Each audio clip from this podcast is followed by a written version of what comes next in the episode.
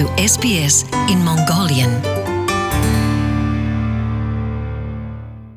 За сайн бацгаана уу? Сонсогч та бүхэндээ энэ өдрийн халуун мэндийг SBS радио станцаас хүргэж байна. За энэ 7 өдрийн сэдвээр та бүхэндээ Австрали улсын банкнаас хэрхэн зээл авах вэ гэдэг сэдвээр ярихаар бэлдсэн байгаа. За Австрали улсад төдийгүй өөр улсад шинээр ирж оршин суухад соёлын ялгаатай асуудлуудыг даван туулахаас гадна шинэ амьдралаа эхлүүлэх гээд хүндрэл бэрхшээлүүд их л тохиолддог шүү дээ. Шинээр бизнес эхлүүлэх, байрныхаа төлбөрийг төлөх, за сургалтынхаа төлбөрийг төлөх гэх мэтэр бидэнд зээл авах шаардлага зэд гардаг үлээ. За тэгвэл Австрали улсад дөнгөж ирээд суурьж байгаа хүмүүст ямар төрлийн санхүүгийн үйлчилгээ нээлттэй байдаг тухай хэдүүлээ ярилцгаая. Австрали улсад кредит түүх хүн болгоны нэр дээр бичигдсэн байдаг.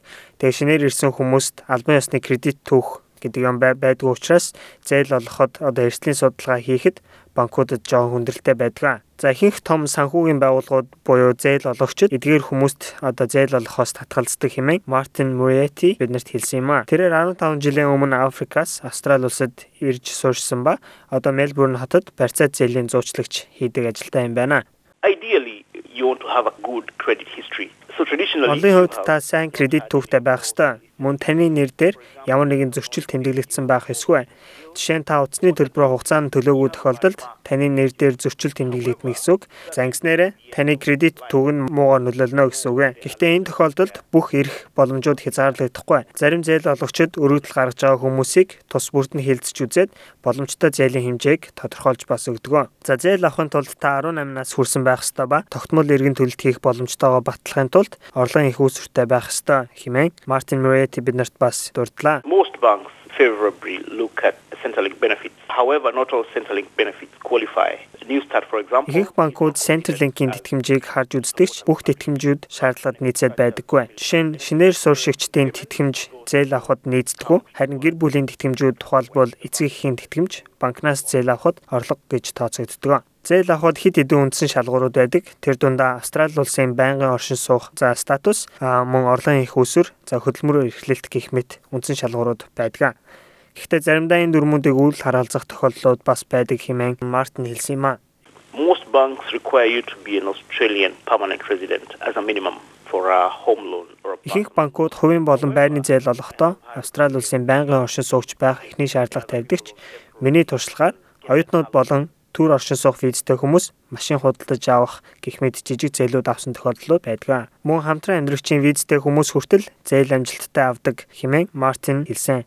Handful of banks uh, will look at uh, people, for example, on partnered visas. Олон банкуд хамтран амьдрагч визтэй буюу Австралийн иргэн эсвэл байнгын оршин суугчтай суусан гэхдээ төр оршин суух визтэй байгаа хүмүүсийг зээл авахд нээлттэй гэж үздэг ба байрны зээл олоход шаардлага хангана гэж тооцдог. За Австрали улсад шинээр ирж байгаа хүмүүс санхүүгийн бүтээгдэхүүн за тэдний үйлчлэгийг өөрсөндөө нээлттэй болгохын тулд зээл авах хүсэлт гаргахаас гадна олон чухал чадвар тэднэр шаардлагатай болдог. За ер нь Австрали улсын нийгэмд амжилттай амьдрахын тулд та мөнгийг зөв зохистой удирдах, санхүүгийн тайлан унших чадвартай байх, гэрээ байгуулах тухай болон том төслүүдэд хөрөнгө хадгалах зэрэг олон мэдлэг чадварыг хөгжүүлэх шаардлагатай байдаг хэмээн Teresa Clark биднэрт хэлсэн. Тэрээр санхүүгийн төлбөрөө зөвлөгөө өгч үйлчилдэг Anglicare байгууллагын менежер юм а.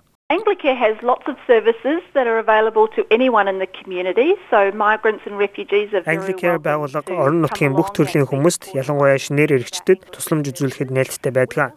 Манай байгууллага олон төрлийн үйлчлэгээ үзүүлдэг. Мөн бид бага хэмжээний хүүгүү санхүүгийн зээлийг байнгын орлоготой хүмүүст зориулан олгодог. Шинээр ирсэн хүмүүс ч гэсэн үүнд өргөдөл гаргаад хамрагдах бас боломжтой. Мельбурн хотод байрлах оршин суух зөвлөгөө тусламж үзүүлдэг AMS байгууллага 1950 оноос хойш олон шинээр иргэчдэд Австральд шинээр амьдрал эхлүүлэхэд нь тусалсан байна. AMS байгууллага англи хэлний сургалт болон мэрэгжил олох сургалтууд мөн санхүүгийн анхны мэдлэг өгөх зөвлөгөө үйлчилгээг шинээр ирсэн хүмүүст санал болгодог. Тус байгууллагын нийгмийн асуудал хариуцсан менежер Лори Новел шинэ иргэчдэд өөрсдийн жижиг бизнесээ эхлүүлэхэд нь бага хэмжээний зээл олгож тусалж байсан гэж биднэрт бас ярилцлага өглөө. We have relationships with not-for-profit agencies that provide Бид зөвлөгөө тусламж үзүүлдэг ашигын бус байгууллагуудтай холбоотой байдаг тул жижиг бизнес эхлүүлэх хүсэлтэй шинээр иргэчдэд санхүүгийн бага хэмжээний зээл олгож тусалдаг. Сүүлийн хэдэн жилд ялангуяа Мельбурн хотод өнгөрсөн 5 жилд шинээр Австральд ирэн жижиг бизнес эхлүүлээд амжилттай явж байгаа олон хүмүүс байгаа. Лори Новел хэлэхдээ бид санхүүгийн бага хэмжээний зээл олгодогч манай MS байгууллага Австралид дөнгөж ирээд шинэ амьдрал эхлүүлэхдээ зээл авах гэж ярах хэрэггүй гэдгийг бас зөвлөдгөө. We're not in the business of encouraging people to take out loans. So It's something that where we encourage them to get the best advice. Бид хүмүүсийг зээл авахуулахыг зорьсон бизнесийн байгууллага биш ээ. Харин санхүүгийн зөвлөгөө өгч зөв шийдвэр гаргахад нь бид нар тусалдаг. Санхүүгийн зуучлагч эсвэл мэрэгжлийн зөвлөгчид бид нар бас биш тул шинээр ирж байгаа хүмүүст зээл олох тал дээр болгоомжтой ханддаг. Anglicare байгууллагын Teresa Clark ч мөн үүнтэй санал нэг байсан. Гэхдээ шинээр ирж байгаа хүмүүст кредит түүхгүй улмаас албан ёсны баталгаад санхүүгийн байгууллагын санхүүгийн үйлчилгээ авч чаддаггүй. За хэрвээ та үнэхээр зээл авах шаардлагатай бол болох юм бол нэр хүндтэй банк санхүүгийн байгууллагыг сонгож үйлчлүүлээрэй. Хэрэг жижиг газруудаас бага хэмжээний зээл авахар бол тэд нэр өндөр хөө танаас дараа нэхэх болно гэдгийг бас анхаарч үзээрэй. За та бүхэнтэйгээ дараагийнхаа дугаараар эргээд уулзцгаая. Бүгдээрээ урт амралтынхаа өдрийг ая тухтай сайхан өнгөрүүлээрэй. SBS Mongolian